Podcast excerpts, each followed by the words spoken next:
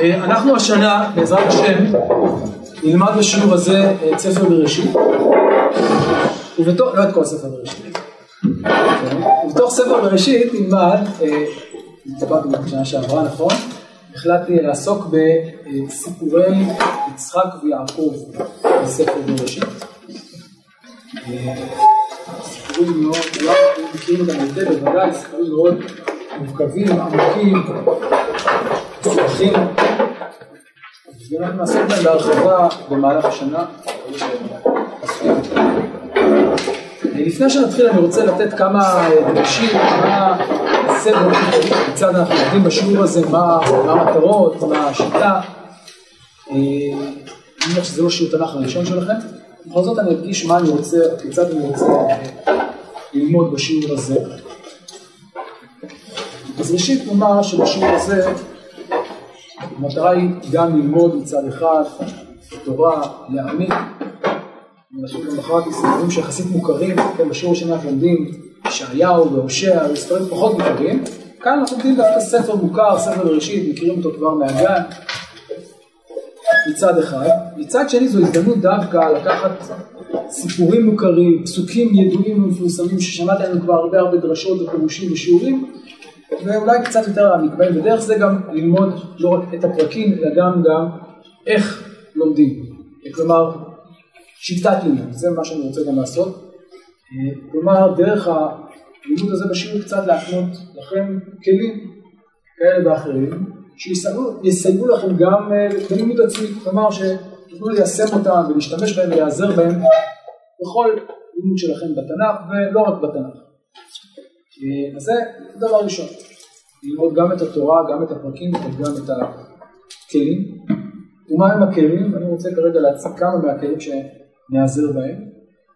אז כשנלמד את הפרקים הללו בספר בראשית, כמובן מצד אחד נעזר בפרשנים מכירים בוודאי, גדולים ומאוחרים, מדרשים ועוד, אולי אפילו מקורות שקדמו למדרשים. כלומר ננסה להיעזר בכמה שיותר מקורות פרשניים על הפרשייה, על הסיפורים, אבל המוקד שלנו לא יהיה הפירושים, לפחות ברוב המקרים, אלא מה המוקד שלנו יהיה? הפסוקים. כלומר, לא נלמד את הפירושים רק לשם עצמם ולהבין איך פירוש כזה פירש ואיך פרשן כזה פירש, אלא ננסה לחתור ולהגיע עד כמה שניתן למה שנקרא, ביטוי קצת עמום, פשוטו של מקרא. מה זה בדיוק פשוטו של מקרא? האם אפשר להגיע אליו? האם פשט זה מה שאני אומר ודרש זה מה שאתה אומר? כל מיני שאלות כאלה שבוודאי יעסיקו אותנו. אני כבר אומר אין עליהן תשובות חד משמעיות, אבל לפחות זה מה שננסה לעשות, ננסה לחתור לפשוטו של מקרא. דהיינו דרך הפירושים השונים, דרך הקושיות והתירוצים והדיונים והשיטות, ננסה לחתור לפירוש שהוא קרוב כמה שניתן לפשט. וזה באופן כללי השיטה שלי, ואני מקווה שאם כן תאמצו לפחות חלקים ממנו. זה כמובן משימה לא פשוטה, כלומר, אנחנו לא אומרים רק כיצד רש"י והרד"ק או רמב"ן בן עזרא פרש, אלא גם מנסים להגיד מה אנחנו אומרים, או כיצד אנחנו יכולים לגשת, או מה מבחינתנו יותר נכון כאן. וננסה לראות מהם הכלים שיש לנו כדי להגיע למסקנות האלה, לפשוטו של מקרא, זה דבר נוסף. אבל מלבד הדברים הללו, מלבד הכלים הללו, אני רוצה להיעזר במהלך הלימוד שלנו בכלים נוספים, שהם כלים אולי פחות מוכרים בתקופת חז"ל ובתקופת הפרשנים, כלים שהתחדשו, אפשר לומר, פחות או יותר, בדורות האחרונים, ואני חושב שאלה הם כלים שיש להם ערך רב ונותנים לנו הרבה עושר ויכולת להעמיק בפסוקים בדרכים שאולי לפני זה לא כל כך הכרנו. ואני מדבר למשל על ביטויים שאתם ודאי מכירים מילה מנחה, כלי מוכר וידוע, מבנים ספרותיים, גם כן כלי שאתם מכירים אותו לאחרונה, ועוד ועוד כלים ש... לפחות באופן שאנחנו מכירים אותו לא תמיד השתמשו בהם בפרשנים הקדומים, אבל אני חושב שהם מוסיפים לנו עוד נדבך ועוד יכולת להעמיק בפסוקים, כפי שאומר הרשב"ם, הפשטות המתחדשים בכל יום. תוך אמונה שבכל דור ודור מתגלים עוד דרכים ועוד שיטות ועוד זוויות ועוד פרספקטיבות להעמיק בדבר השם בדברי התור. השילוב של הדברים הללו, של הכלים הללו, אני מקווה, יאפשר לנו ללמוד את הדברים המוכרים וגם שיהיו בינינו קצת יותר גם דברים כחדשים, אולי לגלות בהם גם עומקים ורעיונות שלפני זה אולי לא שמנו להם.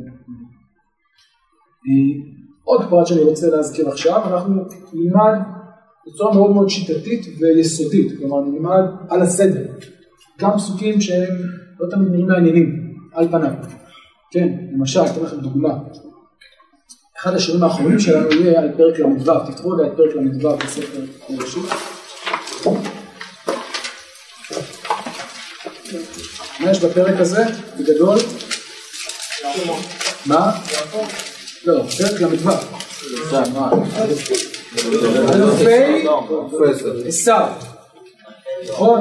מלכי, אלה המלכים אשר מלכו בארץ אדום, בני שעיר אחורי, לוטן ושובל ודישון ועוץ וערן ולוטן, כל מיני שמות של כל מיני אלופים. עכשיו, למזלנו הפרק הזה נמצא בסוף הפרשה, אז לא תמיד שמים לב לב, כן, אנחנו ככה כבר לקראת נעימים כבר, בסוף הפרשה כבר יפים, אבל הפרק הזה צריך ללמוד ברצינות, כמו שלומדים פרקים אחרים, למרות שהוא לכאורה מדבר על נושאים לא רלוונטיים, מה אכפת לי מה השם של האלוף הזה והאלוף ההוא, והמלכים אשר מלכו בארץ אדום לפני מלאומר בני ישראל, כן, מה זה עושה כאן, איך זה רלוונטי, מה זה קשור, מה זה חשוב? שאלות, שאלות גדולות שצריך לשאול את עצמנו, אבל אם הפרק הזה נמצא כאן, כנראה שיש לו חשיבות, צריך להעמיק בו וללמוד אותו, להבין את משמעותו. אה, וזאת דוגמה קטנה, אולי קצת חריגה, לניסיון הזה של ללמוד באופן שיטתי, בלי לדלג ובלי ככה להגיע רק למה שנקרא לדובדבנים. לפעמים זה עבודה קשה, ולא תמיד יהיה לנו גם אה, בהכרח שכר. אולי אה, נקבל לפעמים שכר גם על הפרישה ולא רק על הדרישה, אבל לפחות ננסה, וזה אני חושב גם כן אה, דבר שצריך לאמץ אותו, ללמוד כסדר ברצף, ולא רק מה שנוח לנו ומעניין אותנו, גם דברים שאולי לפעמים משעממים על פניו, ואולי אם נלמד אותם לעומק, בהקשר נגלה דברים שקצת יפתיעו. ודבר אחרון שאני רוצה לומר בהקשר הזה, אז מצד אחד ללמוד באופן אינטנסיבי ורציף, בלי לדלג ובלי לוותר ובלי ככה לבחור אה, את הדובדבנים, אבל מצד שני לתת גם פרספקטיבה רחבה. כלומר, וזה קשור למה שהזכרתי קודם, אחד המאפיינים של הפרשנים הקלאסיים, רש"י, רד"ק, בן עזרא, שהם בדרך כלל מפרשים פסוקים או פסקאות אבל לא תמיד נותנים לנו את התמונה הכללית והרחבה של פרשייה או של חטיבה. ולפעמים המבט הזה שטיפה עושה זום אאוט ומתבונן על התמונה הרחבה ולא רק על הפרטים הקטנים, על היער ולא רק על העצים, זה זאת אומרת, סוג של קריאה, אופן של קריאה שמאפשר לנו לגלות באמת דברים חדשים ומרתקים גם בתוך הפרטים הקטנים. אז גם התנועה הזאת שבין קריאה פרטנית של פסוקים, לפעמים להתעכב על פסוק אחד, שיעור שלם, לפעמים. אבל מצד שני זה לא בא על חשבון גם מבט רחב, אני חושב שהמבטים הללו מזינים אחד את השני. המבט המדוקדק על פסוקים בודדים והמבט הרחב על חטיבות שלמות, שני מבטים שיכולים להשלים ולהאיר אחד את השני, וננסה כל הזמן לעשות את המעבר הזה בין התמונה הרחבה וכוללת ומקיפה שרואה את התמונה ואת ההקשר הרחב לבין בדיוק עד כאן ככה מבוא ממש קצר וכללי. ואני בכוונה לא מרחיב יותר מדי כי אני רוצה שנראה את זה דרך הלימוד שלנו ולא רק אה, מלמעלה. אה, וכאן אני רוצה מבוא שני לנושא שלנו. דיברתי על פרקי יצחק ויעקב. למה בכלל להתחיל שם? כן, למה לא להתחיל? אני יודע, לפי פרשות שבוע, או לפי, אני יודע מה, תחילת ספר בראשית.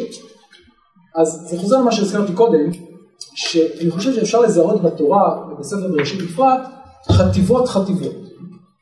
כמובן ספר בראשית כולו הוא גם חטיבה אחת גדולה ונדבר על זה בהמשך, אבל מעבר לרצף של ספר בראשית אפשר לזהות בתוכו חטיבות שיש ביניהן איזושהי לכידות פנימית. למשל, איזה חטיבות אפשר לזהות בספר בראשית? חטיבות גדולות? עכשיו רגע על ספר בראשית. אברהם, כן, אברהם אפשר לומר מתחילת, מסוף פרשת נוח קצת נלך לך, ועוד עוד נראה עד כמעט, כן, סוף פרשת תולדות, שרות תולדות חיי שרה. יוסף, יוסף זה גם דוגמה, נכון? מפרשת וישב, שגם יש לנו פתיחה חדשה, עד סוף ספר בראשית, זה חטיבה סיפורית שלמה. אגב, שנה שעברה, בסופו של מי שהיה כאן למדנו את כל החטיבה הזאת של סיפור יוסף מתחילתו ועד סופו, ברצף אחד. נכון, אז יש לנו חטיבות, ובתוך החטיבות האלה אפשר לזהות כאמור גם את, אני חושב, פרקים א' עד י"א בספר בראשית, שמה מאפיין אותה, החטיבה הזאת? כלל האנושות. בראשית ונוח, נכון. זו החטיבה שמספרת לנו את סיפורי הראשית. ומה שמאפיין את הסיפורים הללו, קודם כל מה שאין בהם. מה אין בהם? עם ישראל. עם ישראל עדיין לא נכנס. נכנס לתמונה בסוף פרשת נוח, אברהם אבינו רק בסוף פרשת נוח. במובן הזה אלו סיפורים שהם לפני ההיסטוריה של עם ישראל, ולכן יש להם חשיבות ויש להם ייחוד, ובהרבה מובנים הם עוסקים בכל מיני סוגיות של ראשית, סוגיות אוניברסליות חשובות, ויש להם מבנה עצמאי, והייתי אומר, זה לכידות פנימית כזאת, אבל כאמור על זה אנחנו לא נדבר, גם פרקי אברהם, אז אפשר בקיצור לזהות כאן אני חושב ארבעה חלקים, ארבע חטיבות בספר בראשית, א' עד י"א סיפורי הראשית, י"ב, כן, מאברהם ועד, שוב, פחות או יותר, כלומר, שאלה איך בדיוק קוראים את זה, נדבר על זה בדיוק בחלק השני של השיעור, אבל אפשר לומר עד פרק כ"ה או כ"ד, סיפורי אברהם, יצחק ויעקב, איפה זה מתחיל אגב? סיפור של יצחק ויעקב? תולדות, לכאורה, נכון? אלה תולדות יצחק בן אברהם. שימו לב, יש לנו כאן פתיחה חדשה, ואגב, אני רוצה שתשימו לב גם לזה. אנחנו לא סתם עושים את זה באופן אה, ככה עצמאי, אלא יש לנו סימנים, למשל, ואלה תולדות יצחק בן אברהם. זו פתיחה. איך אני יודע שזו פתיחה? ואלה. אז התשובה היא שהביטוי ואלה תולדות הוא ביטוי שמופיע כמה פעמים בספר בראשית, זה ביטוי שמבטא איזושהי פתיחה של תקופה חדשה. יותר מזה, יש כאלה שטוענים אפילו שספר בראשית אפשר לקרוא לו, בראשית זה לא באמת השם שלו, נכון? זה המילה הראשונה. איך נקרא לו, מה התוכן שלו? יש כאלה שקוראים לספר הזה. ספר התולדות, וזה באמת אני חושב הגדרה מאוד טובה. אגב, באנגלית, ג'נסיס, מה זה ג'נסיס? זה מיוונית, אז אתם לא... אז מיוונית. ג'נסיס זה כמו, כן, מאותו שורש שהגיע גנטיקה וגנים, אגב, גם אישה אה, ביוונית, קשור ללידה, תולדות, כן, זה, זה השורש, כנראה זה המשמעות הראשונית של המילה הזאת, וכנראה זה באמת התוכן המרכזי של הספר בראשית, ספר התולדות, ואלה תולדות ואלה תולדות, אז גם זו פתיחה. וכאמור, אלה תולדות יצחק בן אברהם, ויש לנו את הפתיחה של פרשת וישב, אלה תולדות יעקב, נכון? יוסף בן 17 שנה וכו'. אז חטיבת יוסף זה החטיבה, ארבע חטיבות, ואם כן אני רוצה להתמקד בשיעור שלנו בחטיבה השלישית, חטיבת סיפורי יצחק ויעקב. טוב, זה התיחום של החטיבה. אה, איפה מסתיימת החטיבה הזאת, אתה יודע? שאלה? עד יוסף? עד יוסף. עד יוסף, למרות שכתוב אלה תולדות יעקב, אבל בעצם אנחנו עוברים כאן למי? ליוסף. זו החטיבה, ואני חוזר למה שהסברתי קודם, כשנלמד את החטיבה הזאת לעומק נגלה שהיא לא רק חטיבה שעוסקת ביצחק ויעקב, יש לה גם מבנה מאוד מעניין ומורכב. מבנה ספרותי, לא לפרשייה, לא לפרק, לא לפסוקים, לכל החטיבה הזאת של ה... שוב, כמה פרקים יש לנו כאן מפרק כ"ה, כן, 11 פרקים, 12 פרקים, כל החטיבה הזאת כחטיבה אפשר לזהות מבנה פנימי מעניין, אולי קצת מפתיע, ועל זה נדבר אבל בסוף השנה, כשאני אלמד את כל החטיבה. אבל כבר אני אומר, אפשר לזהות כאן מבנה. כלומר, זה לא רק רצף של סיפורים, אברהם, עכשיו יצחק, עכשיו יעקב, אלא זה גם מכלול שיש לו היגיון, יש בו יחידות פנימית. למה אני רוצה להדגיש את זה? כי אפשר לבוא בטענות ולהגיד, טוב, פשוט אני נכנס באמצע הסיפור. כלומר, אי אפשר לקרוא את זה, להתחיל מיצחק ויעקב, זה נכנס באמצע הסיפור, יש לך את אברהם, יש לך את... תחילת ספר בראשית. במידה מסוימת זה נכון, צריך לקרוא את ספר בראשית כמכלול, אבל במידה מסוימת זה גם לא נכון. כלומר, יש לחטיבה הזאת מבנה פנימי, יש בה גם נושא מרכזי, שהוא לא נמצא לא בחטיבה שלפניו, שלפניה, ולא בחטיבה שאחריה, ולכן יש, אני חושב, צידוק ויש גם סיבה טובה ללמוד את החטיבה הזאת כחטיבה שלמה, ולנסות לזהות את המהלך הפנימי שלה, את האופי של המיוחד. ועל זה אנחנו ננסה לדבר אה, בין השאר בשיעור. טוב, הרחבתי הרבה במבואות, ברוב השיעורים אנחנו לא נעשה הרבה במבואות, פשוט נקרא את הפסוקים ונלמד אותם, אבל בכל זאת אני רוצה עוד הערה אחת קטנה לפני שנכנס. איפה להתחיל? לכאורה צריך להתחיל, איפה? אלה תולדות. אבל תראו דבר קצת, מוזר. עקדת יצחק לא הייתי מתחיל, למה לא הייתי מתחיל? כי על מי, מי נמצא במרכז של עקדת יצחק? אברהם, יצחק הוא פסיבי לחלוטין, נכון, הבן של אברהם, עליו נעשה הניסיון, אבל הניסיון העיקרי הוא לאברהם, יצחק שלנו פסיבי. איפה להתחיל את הסיפור? אולי אפשר להתחיל עם המציאת אישה, ושוב, מי שולח את השליח? אברהם. יצחק מה הוא עושה? הוא רק מביאה אוהלה, שרה אשתו, לא עושה כלום. ושרה אמו. אבל זה גם מדבר על כל ההמשך אחר כך, כי אם אני... כן, אבל יצחק לא פועל שם. לכאורה ההתחלה היא אלה תולדות יצחק, ובכל זאת אני חושב שזה לא נקודת ההתחלה. כלומר צריך להתחיל קצת לפני. מדוע? מדוע?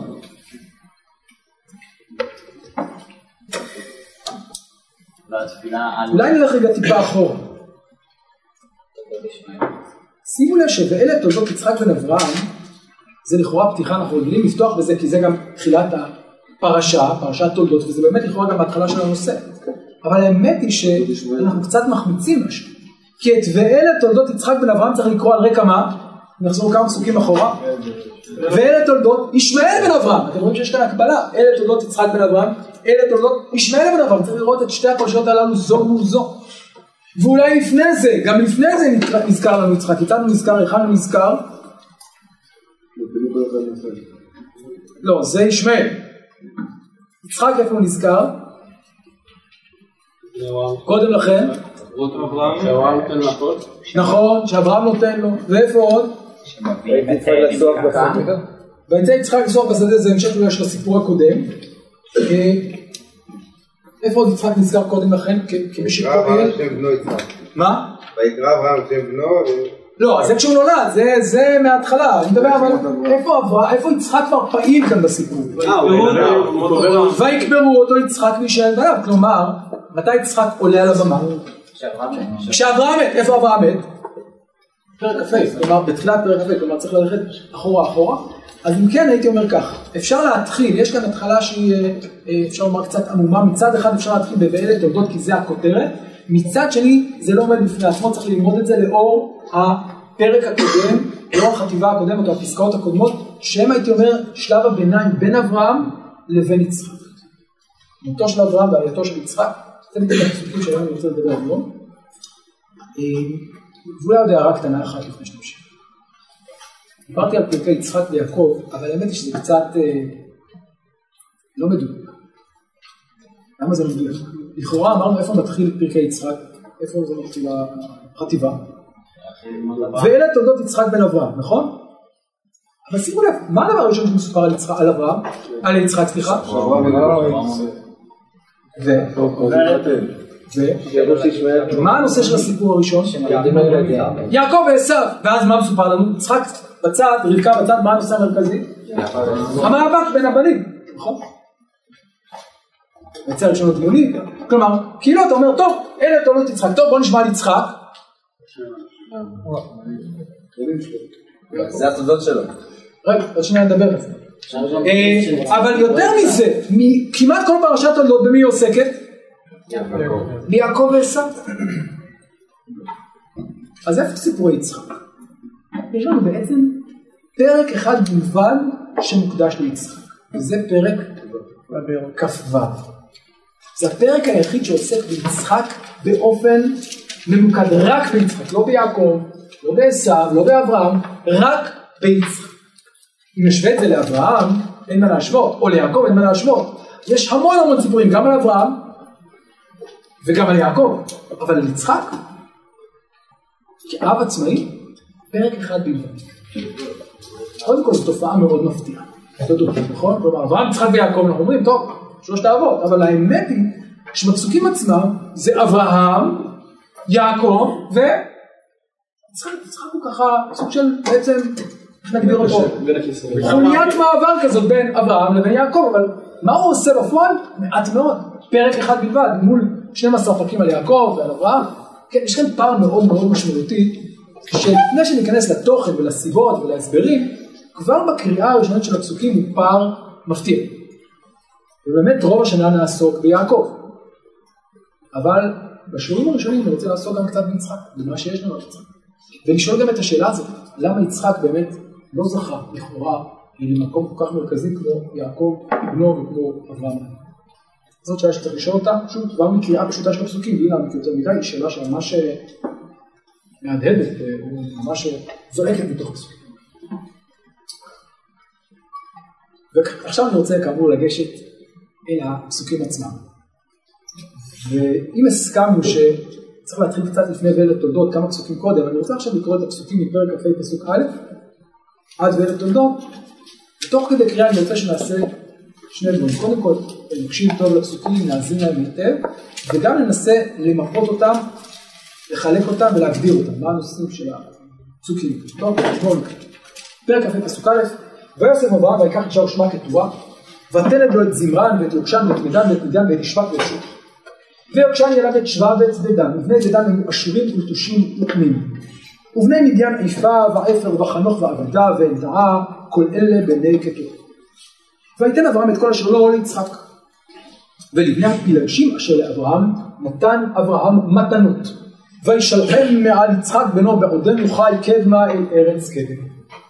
ואלה ימי שני חיי אברהם אשר חי מעט שנה ושבעים שנה וחמש שנים ויקבע וימות אברהם בשיבה טובה זקן ושבע ויאסף אל עמיו. ויקברו אותו יצחק וישמעאל בניו אל מערת המכפלה על שדה עפרון בן צוחר החיתי אשר על פני ממרא השדה אשר קנה אברהם מאת חטא שם קבר אברהם ושרה אשתו ויהי אחרי מות אברהם ויברך אלוהים את יצחק בנו וישב יצחק ומדבר לחי.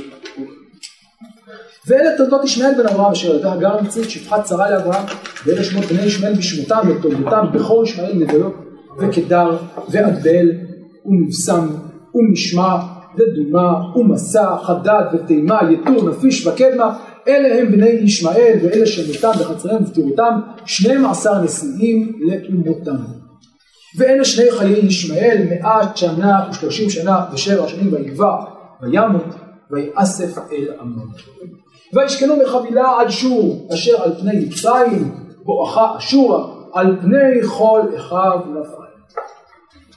עד כאן. טוב.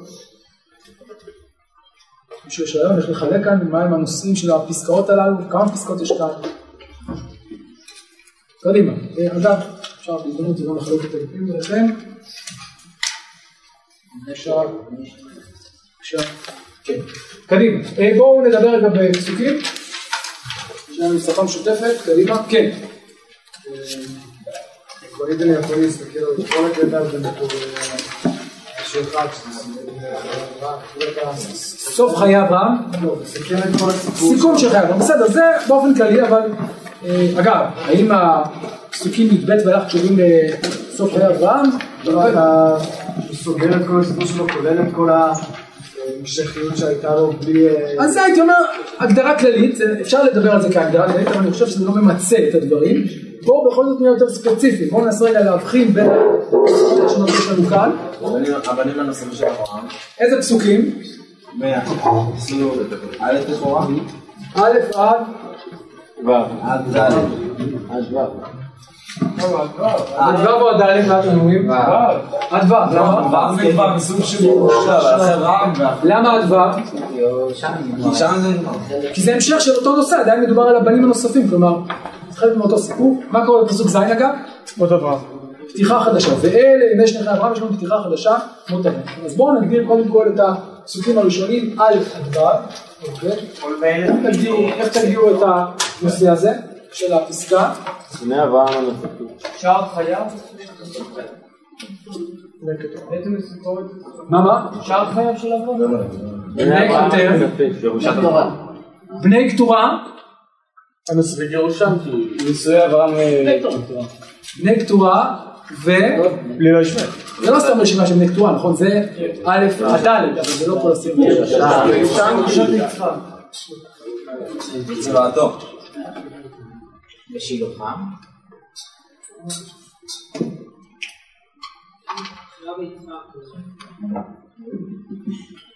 אתם צודקים שיש גירוש, אבל למה לא כתבתי גירוש? קודם כל לא חושב מה ישלחם, זה מילה לא. כן? אבל זה לא הנושא, זה לא העיקר. למה מספרים לנו שהוא שילח אותם? כי זה מול יצחק, לכן, לכן ההגדרה כאן היא חשובה. כלומר, השאלה איך אנחנו ממסגרים את זה, איך מבינים את זה, ולכן זה חשוב שקוראים את זה לא א' עד ד', אלא א' עד ו', זה חלק מהנושא, זה הסיפור, יש לו עוד בנים, אבל יש כאן מתח מסוים בין כתורה לביצה. הלאה, חטיבה שנייה או פסקה שנייה, ז' עד. עד אחד, י"ד, יפה, זה גם פשוט. מה הנושא כאן? מות אברהם. ו... יפה, וגבורתו.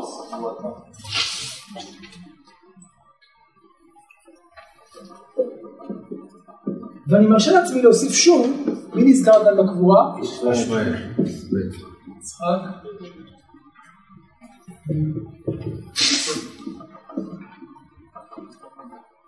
גם כאן יש הבחנה מעניינת, יצחק וישמעאל, יצחק מול ישמעאל, נדבר על זה עוד מעט, והחלק השלישי, עד,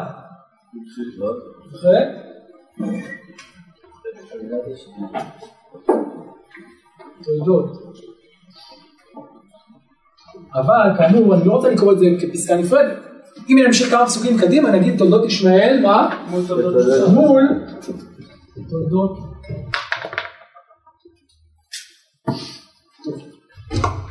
למה רציתי לעשות את התרגיל הקטן הזה? לא, אני אומר את זה מדי פעם בשיעורים שאחת השעות השנואות עליי בשיעורי תנ"ך בתור ילד הייתה חלק את הפרק ותן כותרת לכל חלק, נכון? זה מכיר השלב מאוד מרגיזה הזאת? למה זו שאלה מעצבנת? כי, כי סתם, היא לא עושה שום דבר. אבל לפעמים אם שואלים אותה בצורה נכונה, היא מאוד חשובה. למה?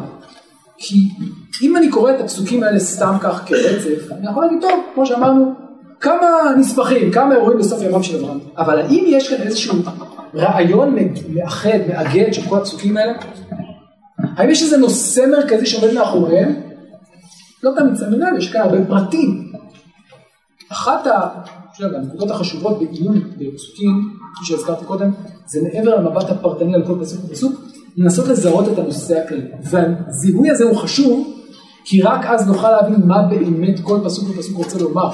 אם אני קורא את זה בנפרד ואת זה בנפרד וזה בנפרד, אז הייתי אומר, טוב, בני אברהם, ושילוחם, ומות ו... לא. זה קריאה שהיא לא מזהה את העיקרון המאחד. אם אני קורא את זה באופן אחר, אני יכול לזהות בכל פסקה נושא מוגדר, ספציפי, ומצד שני אני יכול גם לזהות משותף לשלוש הפסקאות האלה. ומה הוא? עבר מאברהם ליצחק. בואו נסתכל רגע על הכותרות. בני קטורה מול יצחק. מות אברהם, יצחק מול ישמעאל. תולדות ישמעאל מול תולדות יצחק. מה משותף לכולם? מתח מול... יצחק מול מול צאצא אחר. מול בנים אחרים. זה הנושא. שימו לב, לא קראנו לעומק את הפסוקים, רק מיפינו. אבל המיפוי הזה כבר נותן לנו מפתח להבנת המשמעות של כל המכלול הזה שעל פניו נראה, שוב, קצת כזה, לא מעניין, כן, מדן, זמרן, יוקשן, נולד לו זה, נולד לו שם, קברו אותו, בסדר, מה, מה זה בא לומר?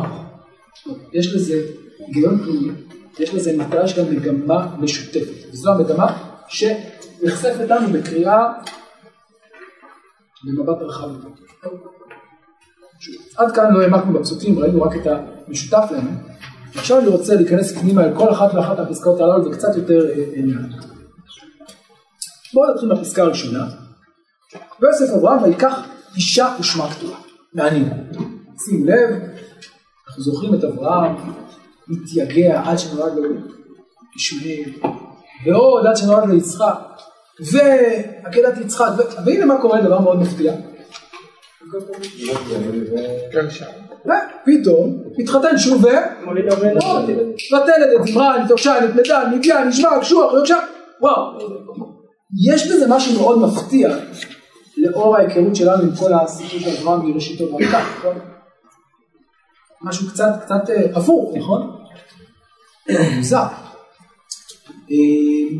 למה לספר לנו על זה בכלל? למה זה חשוב לנו שלאברהם נולדו עוד בנים לאישה שקוראה קטועה? למה זה חשוב? למה זה, מעניין אותנו? איזה חשיבות יש לפסוקים האלה לדבר? למה התורה הזכירה את זה? כן, הבטחה? זו הבטחה שהקדוש ברוך הוא הביא לו, שזרעו יגדל. אני לא יודע אם דווקא מדבר רק על יצחק עצמו, שבעצם עם ישראל יגדל. יכול להיות שזה מדובר גם לכל שאר העמים שיצאו ממנו. אז מה נאמר? אב המון גויים, נכון? איפה המון גויים? הנה המון גויים, תראו מי נולד לו. כלומר, אפשר לומר שבאחרית אברהם מסופר לנו כיצד מתקיימת, מתקיימת באברהם ההבטחה, אב המון גויים נתתיך. זה אפשרות אחת. דווקא על סעודת יצחק, שכאילו יצחק יראה לחזר. זה ודאי, כלומר, יש כאן הבחנה בין, זה ההבחנה שאתה מדבר עליה, בין מי יקרא לחזר, מי יהיה הממשיך הישיר העיקרי, לבין האמירה, זה נקודה מאוד מרכזית לאורך כל הפסקאות האלה, בדיוק המתח הזה שהצבעת עליו כרגע, לבין האמירה אב המון גויים נתתיך. בין הריבוי לבין הייחוד. אבל קודם כל אנחנו בקודם של הריבוי, אב המון גויים, הנה המון גויים, תראו מי נולד לו, זה וזה, ויוקשן, ומדן, ומי... כמה בנים, כמה צאצאים, כמה נכדים. פרט אחד. בואו נקרא רגע את המדרש, שאומר, עוד ינובון בשיבה, זה אברהם, ישנים ורעננים יהיו, ויוסף אברהם. כלומר, מה אומר המדרש, מה, מה הוא דורש כאן על אברהם? שאפילו שהוא זקן, על מי נאמר עוד ינובון בשיבה? שזה כן. מה? שזקן. צדיקים, לא, על מי? על מי נאמר עוד ינובון בשיבה דשנים ורעננים יהיו? על צדיקים. אז הנה אברהם צדיק, עוד ינובון בשיבה, תראו מה זה, גם באחרית ימיו זוכה. לשגשג, לפרוח, דשנים ורעננים. רבי דוסתאי ורבי ינאי, כן, בבוקר זרע את זרעך ולערב אל תנח ידיך, פסוק בקהלת. אם היו לך בנים בנערותך, קר לך אישה בזקנותך ועמד בנים. ממי את למד? מאבינו אברהם, שהיו בנים בנערותו, ולקח אישה בזקנותו והעמיד בנים. טוב, אז יש כאן גם לקח שהוא יותר כללי לכל אדם ואדם, אם כן, אה, אשתו נפטרה, שיתחתן שוב, יביא עוד ילדים, פרק ב', הנה, ממי לומדים את זה? מאברהם. אז זה אפשר לומר עוד לקח. לא? הוא כבר לא היה, מה? לא הוא כבר היה זקן, נכון, נכון, בכל זאת. עוד דבר מעניין, עוד אה, אה, אולי אה, חיבור מעניין, שימו לב מה נאמר בסוף הפרשייה הקודמת. מה הפסוק האחרון של פרק כ"ד? יצחק מתחתן עם רבקה, מביאיה האוהל עשרה ימים, נכון? האם יכול להיות שיש קשר בין סמיכות בין הפרשייה הקודמת לפרשייה הזאת? מה דעתכם? אולי, סתם, אני לא לא יודע, אולי כן, אולי אבל מה יכול להיות הקשר? חסר לאברהם את שרה. אז, אז כאילו יש לנו כאן איזה חוסר, נכון? ליצחק יש חוסר, ואיך מתמלא החוסר? הוא מתחתן. הוא מביא אותה האוהל עשרה ימים. ועכשיו מה? אחרי שיצחק מתחתן, גם אברהם מתחתן. זה מעניין, כי בשני המקרים שימו לב, שרה, מוות של שרה כאן נזכר. ואולי יותר מזה אפשר לומר, שמתי אברהם מתחתן נישואים שניים? הוא דואג קודם כל בפרק כ"ד דואג לבנו, נכון? אברהם זקן בא בימים, הוא מביא את עבדו, ואומר תדאג לבן שלי שיהיה לו אישה. רציתי לבנותי תלך ולקחת אישה. אחרי שהוא מביא אישה, אז מה הוא אומר? עכשיו אני יכול, אחרי שהוא דאג לבנו, השיא אותו, עכשיו נפנה גם לעצמו. כן, מתחתן שוב. יוצר לחץ על רבקה. ולמה הם התחננו והתחננו כל כך הרבה? אתה אומר, יש כאן עוד איזה לחץ באיזה מובן? אה, שיש לה הרבה בנים. או רגע, רגע, זה נקודה מעניינת. שנייה, עוד שנייה אולי לומר את זה. כל הרעיונות האלה רעיונות יפים מאוד, ונכונים. ובכל זאת השאלה היא, למה הסיפור הזה חשוב כאן? האם הוא מתחבר לרצף כאן? אני חושב שכן. ושוב אני רוצה לחזור למתח שהזכרנו קודם. בין חיי אברהם עד כה לבין חיי אברהם מכאן ואילך. עד כה אברהם אבינו נאבק כל חייו כדי שיהיה לו בן אחד. והנה פתאום בסוף ימיו שהוא כבר מאוד זקן, ואברהם זקן בא בימים פתאום המון ילדים. יש כאן הייתי אומר כמעט חידה, איך יכול להיות שעד כה בצעירותו היה כל כך מסובך להביא ילדים, ועכשיו כל מיני כזה שפע, כזה, כן, זה אחרי כבר ניסיון שלו. אחרי הניסיון. כמות מולכות. אולי כמות מלאכות. אבל זה מתח, ואני רוצה שתשים לב למתח הזה, כן. אה, חשבתי שאם אני לא טועה, שרה היה הכרה ולאו דווקא... אז יכול להיות ששרה היא הכרה, והנה אחרי זה יש לנו את, את הגר, זה נכון, ועדיין יש כאן משהו בזה שלאברהם להקים זרע זה סיפור מסובך, והנה כאן הכל למישרים זו. אבל אתה צודק, נכון. היה. אז זו נקודה אחת שאני רוצה שתשים אליה לב, הצמצום מול הריבוי שיש לנו כאן, בואו נחזור על זה בהמשך. הלאה. אני רוצה להמשיך עוד קצת קדימה. בהתחלה כן. הניסוי של... זה. של אברהם. אוקיי, הערה מצוינת. אתה אומר, או, או, שם היה ניסיון ואולי כאן כבר אין ניסיון. הערה מצוינת, בואו נמשיך עוד מעט ונחזור לזה. אמ, טוב, אבל זה לא הכל. שימו לב שמיד אחרי התיאור הזה של הריבוי, מה יש לנו כאמור? מה יש? ניכור. ויתן אברהם את כל אשר לו ליצחק. ולבני הפילגשים אשר לאברהם, נתן אברהם מתנות, וישלחם מעל יצחק כמו בעודנו חי, קדמה אל ארץ קדמה. מה הפסוק הזה מלמד אותנו? נכון, לאברהם יש עוד ילדים, אבל הרבה ילדים. אגב, אולי גם לא רק מקטורה, היו בני פילגשים, אולי היו עוד פילגשים. אבל מה קורה עכשיו? מוכר ביצוע. בחייו, שימו לב, מודגש שבחייו הוא עושה הבחנה בין בני הפילגשים שהוא נותן להם מתנות, הוא דואג להם, הוא לא, אבל הוא משלח אותם. מה פירוש משלח אותם? אתם לא היורשים הישירים שלי, אתם ממשיכי דרכי במובן העמוק. כן, אתם מקבלים מתנות, אני אוהב אתכם, אבל... מה? ככה הוא משלח ילדיו. תראה, מה זה לשלח? לשלח זה לא... אה, זה כאילו? אז אתה רואה שהוא נותן להם גם מתנות, הוא דואג להם. אבל אומר להם, כאן בסוף, במקום הזה, בארץ הזאת, בהמשכיות הזאת, רק בן אחד רלוונטי, וזה יצחק. שאלה גם תשמעי. זה מזכיר לנו סיפור אחר על שילוח, שילוח הגר וישמעאל, שקשור לזה. עוד מעט נחזור גם לנקודה הזאת. וזה קשור לאותה נקודה של השאלה, מי יורש, לא במובן הכלכלי, כי הנה אתה רואה שהם מקבלים גם כן מתנות. מי יורש במובן של ההמשכיות, של הדרך, של הייעוד. זה הנושא. וכאן יש את ההבחנה בין יצחק לבין בני כתוב. הלאה. עד כאן אם כן הפסקה הראשונה, וכל זה כאמור בעודנו חי, ואני רוצה שנשים לב לעוד ביטוי מעניין, וישלחם מעל יצחק בנו, ברור שיצחק בנו, גם הם בניו. יצחק בנו, מה בא להדגיש? הוא הבנו ממשיך דרכו.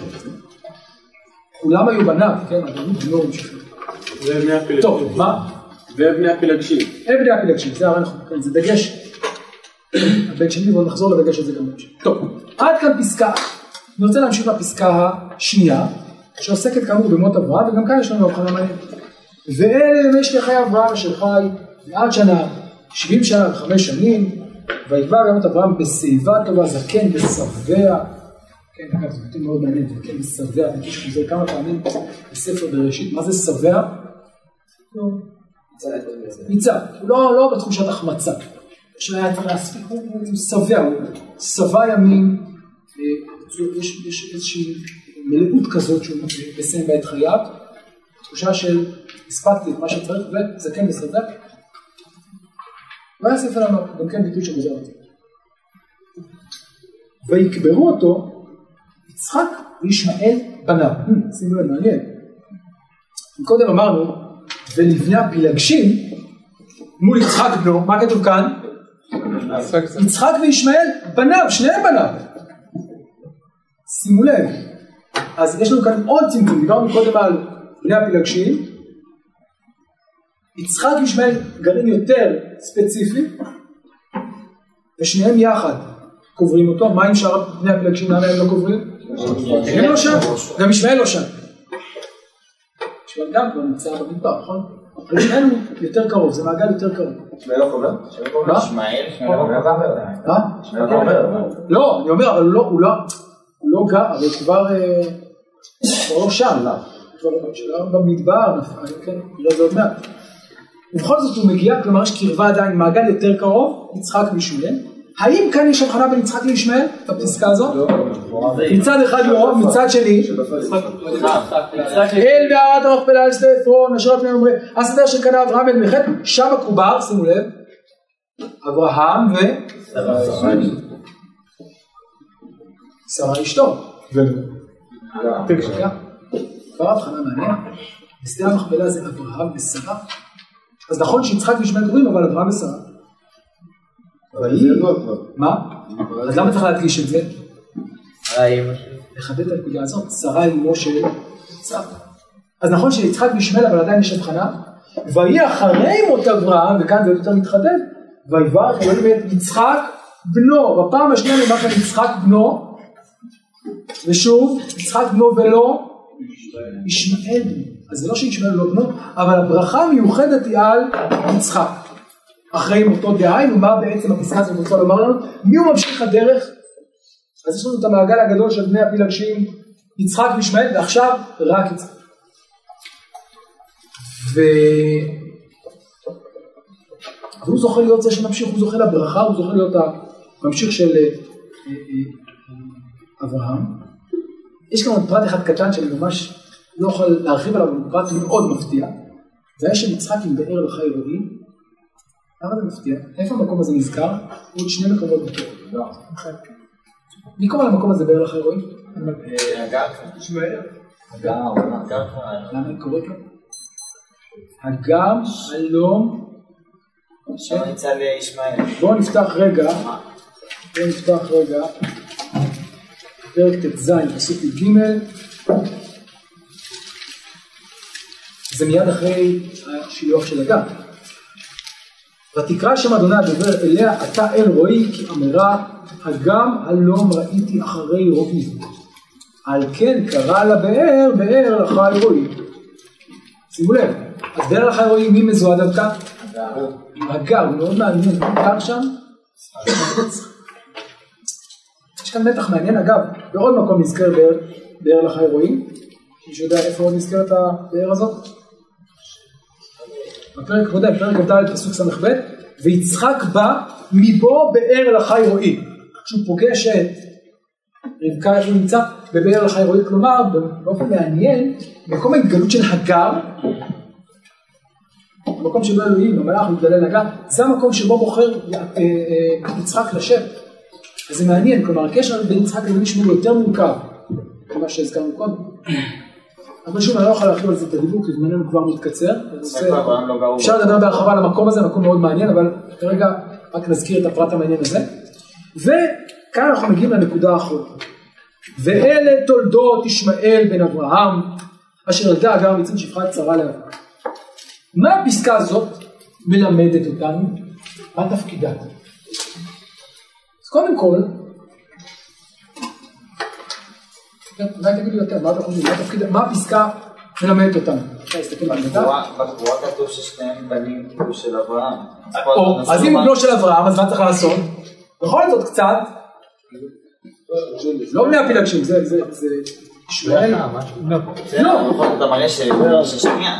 נכון, נכון. אבל עדיין זה רמה יותר גבוהה מבני הפילגשים, ולכן צריך לומר עליו משהו. אומר הרד"ק, ואלה תולדות ישמעאל, זכר תולדות ישמעאל, לכבוד אברהם לפי שהיה בכורו. טוב, אז זה קודם כל לתת לו כבוד, הוא הבן של אברהם, בסדר. אבל האם יש לזה עוד תפקיד? מה מסופר לנו בפסקה הזאת בתולדות ישמעאל? אגב, צריך להגיד מילה על המילה תולדות. מה זה תולדות בלשון המקרא?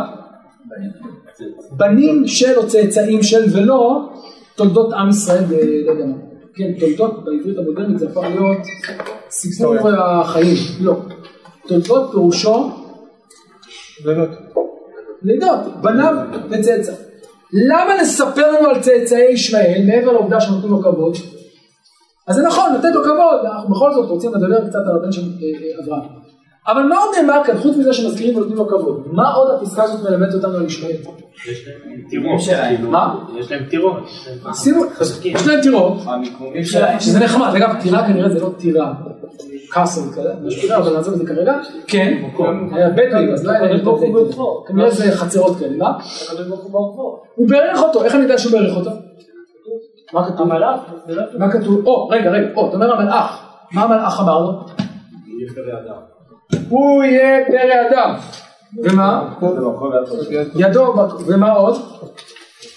אם נחזור רגע לאותו פרק שהזכרתי קודם, לחי רועי, הנה אחרה ויולדת בן, כי שמע השם אלוהיך, והוא יהיה פרא אדם, ידו בכל, על פני כל אחיו ישכון, מה נאמר אצלנו?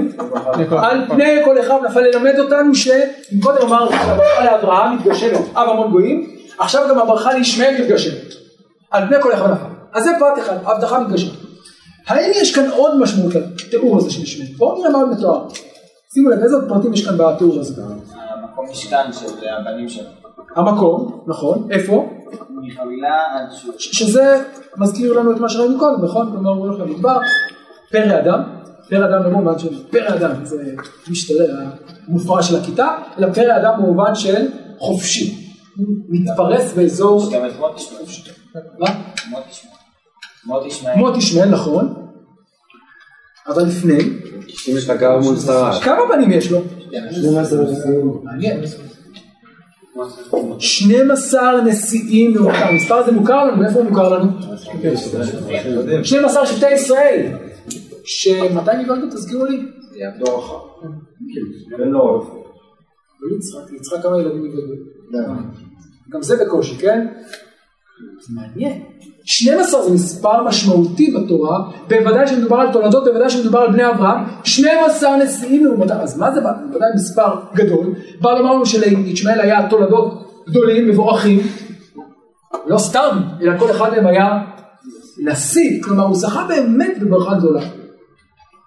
אולי יש כאן נקודה עמוקה. כמו שאמרנו צריך להשוות בין תולדות ישמעאל, לא לקרוא את זה כפסקה נפרדת, אלא תולדות ישמעאל מול מה? וכאן קורה דבר מאוד מפתיע. וכאן אני רוצה בזה לסיים את השיעור שלנו, להשוות בין תולדות יצחק לבין תולדות ישמעאל. בואו נקרא רגע את הפסוק הראשון של תולדות יצחק, ואלה תולדות יצחק בן אברהם, אברהם הוליד את יצחק. בואו נשווה רגע בין תולדות יצחק לבין תולדות ישמעאל, איזה הבדלים אתם מוצאים? יפה, שימו לב, אלה תולדות, אלה תולדות, יצחק ישמעאל, אבל, יש הבדל, אלה תולדות ישמעאל אשר ילדה הגר המצרית, שפחה שרה לאברהם. למה להגיד את זה כך? כי מה כתוב אצל יצחק? אברהם הוליד את יצחק. כלומר, השוואה הראשונה, מה היא קודם כל אומרת לנו? דייקו, שניהם הם בן אברהם. אבל הוא בן אברהם, אבל ילדה הגר, שפחה- המצרית שפחת שרה לאברהם, זה לא הבן המרכזי. לעומת זאת יצחק, אגב זה פסקה, כשקוראים את הפסוק הזה זה קצת מוזר, ואלה תולדות יצחק בן אברהם, אברהם הוליד את יצחק, נכון? זה, זה כפילות, וכל הפרשנים שואלים, מה זאת אומרת? אלה תולדות יצחק בן אברהם, בוודאי, אם יצחק בן אברהם אז אברהם הוליד את יצחק. יש הרבה פירושים לזה, אבל מה הפירוש לדעתי? הפשוט ביותר, כדי להבין את הפסוק הזה צריך לקרוא אותו בהקשר שלו. כי אם אני קורא את הפסוק לעצמו, הוא באמת פסוק משונה. אבל אם אני קורא אותו ברצף, בהמשך, באלה תולדות ישמעאל, זה מאוד מובן. כי הפסוק הזה הוא פסוק שנועד להנגיד בין ישמעאל לבין יצחק. ישמעאל הוא בן אברהם, אבל ילדה שרה, אה, הגר המצרית שפחת שרה, ואילו יצחק בן אברהם, אברהם הוליד את יצחק. אה, ומי שאומר את זה, אולי אני רגע, דוגמה טובה לראות הבדל בין פירוש תורה לפשט. אומר רש"י כך, אלה תולדות יצחק, יעקב ועשו אומרים בפרשה. אברהם הוליד את יצחק. מיותר. על ידי שכתב הכתוב יצחק בן אברהם, הוזקק לומר אברהם הוליד את יצחק. למה? הרי זה מיותר. לפי שהיו ליצני הדור אומרים מאבימלך נתעברה שרה. למה? שהרי כמה שנים שעתה עם אברהם ולא נתעברה. מה עשה הקדוש ברוך הוא צר קלסתר בניו של יצחק דומה לאברהם והעידו הכל אברהם הוליד את יצחק וזהו שכתב כאן יצחק בן אברהם היה שהרי עדות יש שאברהם הוליד את יצחק אז רש"י שוב מה היה קשה לרש"י כמו שאוהבים לשאול? הכפילות איך הוא פותר אותה? באמצעות זה שזה התמודדות עם טענת ליצני הדור האם זה פירוש פשט? אני חושב שלא למה לא? למה זה מדרש אבל זה שזה מדרש זה לא אומר שזה לא פשט למה זה לא פשט? אני רוצה רגע לה- להציב קריטריון חשוב אחד לפשט. קריטריון חשוב אחד לפירוש פשט, שהוא מתבסס על נתונים שמופיעים בכתוב, ולא על נתונים מחוץ לכתוב. זה לא קריטריון ברזל, אי אפשר בכלל, אבל זה קריטריון חשוב. כלומר, ככל שמסתמכים על נתונים חיצוניים שלא מופיעים, הפירוש הזה פחות קרוב לפשט. ההנחה היסודית צריכה להיות שאם הפירוש הזה הוא פשט, הוא צריך להתב... להתיישב או להתבאר על פי הנתונים שלפנינו בפסוקים. מה? בהיכרות עם אברהם, אברהם הוא אי- כאילו במערת המכפלה נגיד, כשהוא כן. פינה אותה, אתם רואים שהוא איש נשיא אלוהים אתה כן. בתוכנו, זאת אומרת האנשים מאוד מאוד מעריכים אותו. בסדר, אבל בסדר, אתה יודע, ככל שאדם, יכול להגיד, ככל שאדם יותר מפורסם, אז יש עליו יותר, כן, ככל שאדם יותר סלב, במדורי הרכילות יקראו עליו יותר, בסדר? אם הוא לא מוכר, אז מי ירחל עליו? אם אדם מוכר, אז כולם ירחלו עליו. אנשים יודעים בגלל שהוא מוכר יאכלו עליו, זה זאת אומרת כאילו... בסדר, לכן לא יחליט. נכון, יש לציין אבל- התורה, יותר מעריכים ויותר יאמינו גם לאברהם. לא, לא, הרבה פעמים דווקא להפך, ככל שאדם יותר מפורסם, אוהבים יותר ללכלך עליו ולהוציא עליו כל מיני אה, שמועות, זה כך מקובל. טוב, על כל פנים זה רש"י. והנה כאן יש לנו את פירוש נכדו של רש"י, רשב"ם, שהוא רבי רבי רשב"ם, חברים, אה, רבי שמואל בן מאיר. תודה רבה. רבי שמואל בן מאיר, שהוא הנכד של רש"י, מי היה מאיר? חתן של רש"י, רש"י לא רק בנו, זה חתן של רש"י. וזה נושא מעניין היחס בין רש"י לבין רשב"ם, רשב"ם היה נכדו, הוא ממשיך דרכו, אבל גם חלק עליו, והלך בפירוש אחר, והוא מספר לנו בכמה מקומות, כן, שנה שעברה למדנו את תחילת פירושו לספר, לסיפור יוסף, הוא מספר הוא מתווכח עם אבא שלו, עם סבא שלו, סליחה, ושכנע אותו שצריך לכתוב עוד פירוש לתורה, עם כל הכבוד לפירוש רש"י. וכאן אומר רשב"ם פירוש משלו, תקשיבו טוב לפירוש ושים לב להבדל. אשר ידע אגר מצית, כלומר, אין זה בנו הנקרא על שם זרעו, אלא בן שפחה. אבל ביצחק כבר כתוב לפנינו, אלה תולדות יצחק בן אברהם. כיצד היה בו? אברהם הוליד את יצחק, כלומר, זהו עיקר הולדתו של אברהם. ושוב, אברהם הוליד את יצחק, לפי פשוטו של נקרא, לפי שאמר למעלה בשמואל בן אברהם, אשר ילדה הגר המצרית. אבל כאן יצחק עיקר בן היה לאברהם שהוא הוליד את יצחק מאשתו הגמורה. כדכתיב כי ביצחק יקרא לחזר אבל גם רבי דברי ימים ושם את זה בצד. שוב שימו לב מהו הקריטריון לפירוש הוא פשוטו של מקרא? ולכן למה הרשב"א צריך להדגיש שזהו פשוטו של מקרא? אתם מכירים את פירוש רש"י נכון? אני גם מכיר, אני קראתי את הפירוש של סבא. אבל אני רוצה להגיד לכם, הוא רומז, לפי פשוטו של מקרא, בניגוד למדרשו, צריך לפרש אחרת. על פי נתון שנמצא איפה? בפסוקים, אל, במילים אחרות, אל תתחילו פסוק רק בנקודה שבה אתם נמצאים. תמיד תמיד צריך לקרוא קצת לפני, קצת אחרי, לראות את ההקשר, וזה מה שעושה רשב"ם. הוא לא מתחיל את הסיפור, ואלה תולדות יצחק, אה, שאלה, כפילות, סתירה. אלא מה הוא אומר? רגע, ואלה תולדות? בואו נחזור אחורה. מה ההקשר של הפסוק? אלה תולדות ישמעאל. אה, שם כתוב כאן, כך, כאן כתוב אחרת, בואו נשווה ואז נבין למה זה מנוסח בצורה לכאורה כפולה, אברהם את יצחק. אז זה קריטריון בעיניי יפה, אלגנטי, בולט, לפירוש פשט, שהוא נסמך על הפסוקים, על הנתונים בפסוקים ועל ההקשר הרחב שלהם ולא רק בקריאה נקודתית שלהם, בסדר? סגור סוגריים, אז זה נקודה אחת. אני רוצה להוסיף עוד דבר על פירוש הרשב"ם, זמננו קצר, בכל זאת אני רוצה עוד נקודה אחת שאולי תחבר לנו את הנקודות שראינו אותן. זה נכון שהפסקה הזאת מצד אחד נועדה להדגיש את העדיפות של יצחק על פני ישמעאל, אבל יש גם צד אחר יותר. אלה תולדות יצחק בן אברהם, בסדר, ומה צריך להיות עכשיו? הנה שווה את זה רגע לישמעאל, מה כתוב? ואלה שמות בני שלום שמותם, טה טה טה טה טה טה טה טה טה אז מה היינו כותבים אצל יצחק?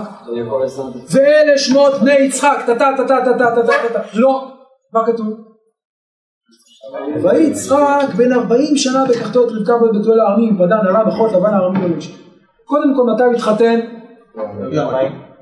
כן, כבר רווק, מבוגר, כן, ואז זה גיל 40 התחתן. עד שהוא התחתן, עד שהוא מצא את השידור, גיל 40. מה אתם חושבים, מיד אה, הביאו ילדים? לא. כמה שנים לקח להם? 20 שנה, ויצחק בן 60 שנה, 20 שנה. אז מה קורה ב-20 שנה האלה? ויעתר יצחק להשם לנוכח אשתו כי יקריי. וגם כשיש ילדים אז מה קורה? ויתרוצצו אבנים בקרבה. שימו לב לפער הגדול בין אלה תולדות ישמעאל, הפשוט, הזורם, הפרה ורבה, לבין תולדות יצחק המסובכים. זה מראה שהוא אפילו יותר הבן של אברהם. מי? יצחק. או, רגע, רגע, רגע, שנייה, שנייה, אני רוצה לשתף אז כלומר יש כאן ניגוד, מהו הניגוד? נכון שליצחק ולישמעאל שניהם יש תולדות, אבל יש הבדל גדול מאוד. התולדות של, של ישמעאל, סליחה, הם רבים, 12 נקים בקלות ובמהירות, 12 נשיאים, עם שלם, כן, אנשים חשובים, שולטים על מרחב גדול, על פני כל אחד ואחד. הברכה מתגשמת בו במלואה, במהירות, בקלות, וזהו, נגמר הסיפור, ויגבר ביום ויעשף אל הכל הכל בקלות ופשוט. אבל אצל יצחק, אלה תולדות זה רק הפתיחה. הסיפור הוא כל כך הרבה יותר מסובך. כי זה לא 12, מתי יבואו 12? בינתיים זה סיבוב, עד שהוא מתחתן, ועד שבאים ילדים, וההיריון, והבלגנים בילדים, וכל מה שנקרא בהמשך הפרשה. תולדות יצחק הרבה הרבה יותר מסובכים מתולדות ישמעאל. מה משמעות הדבר הזה? אני לא אוכל להרחיב, אני אגיד כיוון שזמננו כבר מסתיים, אני רוצה להגיד ממש בתמצית את הדברים שנרחיב. ובזה אני חושב שנחבר את כל הדברים שדיברנו. אני חושב ששלוש הפסקאות הללו מציגות לנו באמת את המורכבות הזאת בהמשכיות של הדבר. מצד אחד אב המון גויים, מצד אחד בני הפילגשים וריבוי, ומצד אחד יש גם את בנו יצחק, בנו ישמעאל וגם בנו ישמעאל. אבל לאור כל זה בולטת לנו כאן ההתמקדות ביצחק כממשיך הדרך. אבל להתמקדות, להתמקדות הזאת יש שני פנים. פן אחד כמובן לכאורה חיובי, הוא בנו, הוא זה שיורש אותו, הוא זה שמקבל את הברכה. אבל יש לזה גם צד אחר. מה הצד האחר? הקמת התולדות שלו היא ניסיון מורכב. ובזה אמרת נכון, למי הוא דומה? לאברהם, וכאן אני חוזר לתחילת השיר. מתי אברהם מביא ילדים בקלות?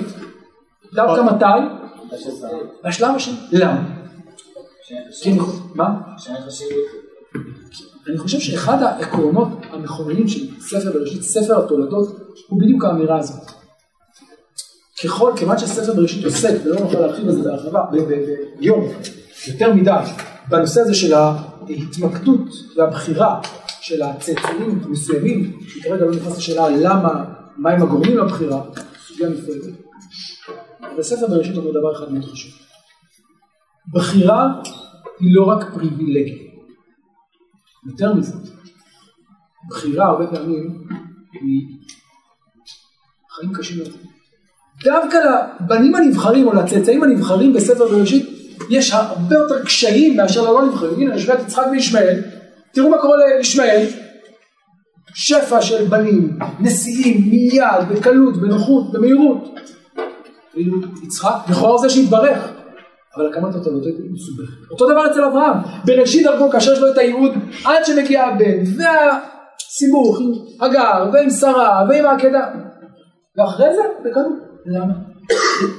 כי העיקרון המכונן, אני חושב, של התולדות, שוב, נרחיבו בהמשך, שהבחירה היא לא פריבילגיה, אלא ייעוד. ובשביל להיות ראוי לייעוד, צריך לעבור תהליך. תהליך מורכב, מסובך, קשה, קצת כמו גיבוש, אם תרצו, לסיירת מובחרת, כן? כדי להגיע לטופ, אתה חייב לעבור תהליכים של גיבוש, של מיון, של ניסיון, של קשיים, ורק מתוכם אתה יכול לצמוח. זה העיקרון המכונן גם של הסיפור הזה, גם של הסיפורים הקודמים, גם של הסיפורים הבאים, אני אגיד ממש בקצרה, ובזה נסיים. בואו נפתח רגע את ספר יהושע, הפסוקים האחרונים שאני רוצה לקרוא היום. פסוקים שמקוראים לנו מהגדה של פסח, הנאום של יהושע לעם ישראל לפני מותו. פרק כ"ד פסוק ג' ויקח את אביכם את אברהם, כן, בעבר הנהר ישמור בתיכם, פרח וכו', ויקח את אביכם את אברהם מעבר הנהר והולך אותו בכל ארץ כנען והרבה את זרעו ויתן לו את יצחק. ויתן יצחק את יעקב, שימו לב, הרבה את זרעו, אבל ויתן יצחק את יעקב ואת עשיו. ויתן לעשו את הר שעיר לרשת אותו, יעקב ובניו רגע, היינו מצפים, ויתן לעשו את הר שעיר ויעקב ובניו את ארץ ישראל, ארץ, לא. אותו עיקרון גם כן שראינו כאן, הוא העיקרון שחוזר גם בשלב הבא אצל יעקב ואצל עשו. עשו תולדות, ונדבר על זה בהרחבה בשיעור האחרון, בשיעורים האחרונים, בקלות. אבל יעקב, בשביל להקים את התולדות, מה צריך לעשות? לרדת למצרים. לעבור את כור הברזל, ורק מתוך התהליך הזה, הקשה והמצרף והבאמת מורכב הזה של כור הברזל, יכול לצאת עם ישראל לעלות לארץ ישראל. אז אם כן, אם אמרנו שספר בראשית הוא ספר התולדות, ספר הבחירות, אם תרצו, בצאצאים הנבחרים, הרי שבחירה היא לא רק פריבילגיה כאן, אלא היא נושאת ייעוד כבד, ויחד איתו גם ניסיונות כבדים וקשיים גדולים. וזה אני חושב הרקע חשוב להבנת כל הסיפור, גם של יצחק, אבל בעיקר כפי שנראה, של יעקב, המתח הזה שבין הברכה והייעוד הגדול לבין הניסיונות הגדולים וההתמודדות בדרך להגשמת הייעוד.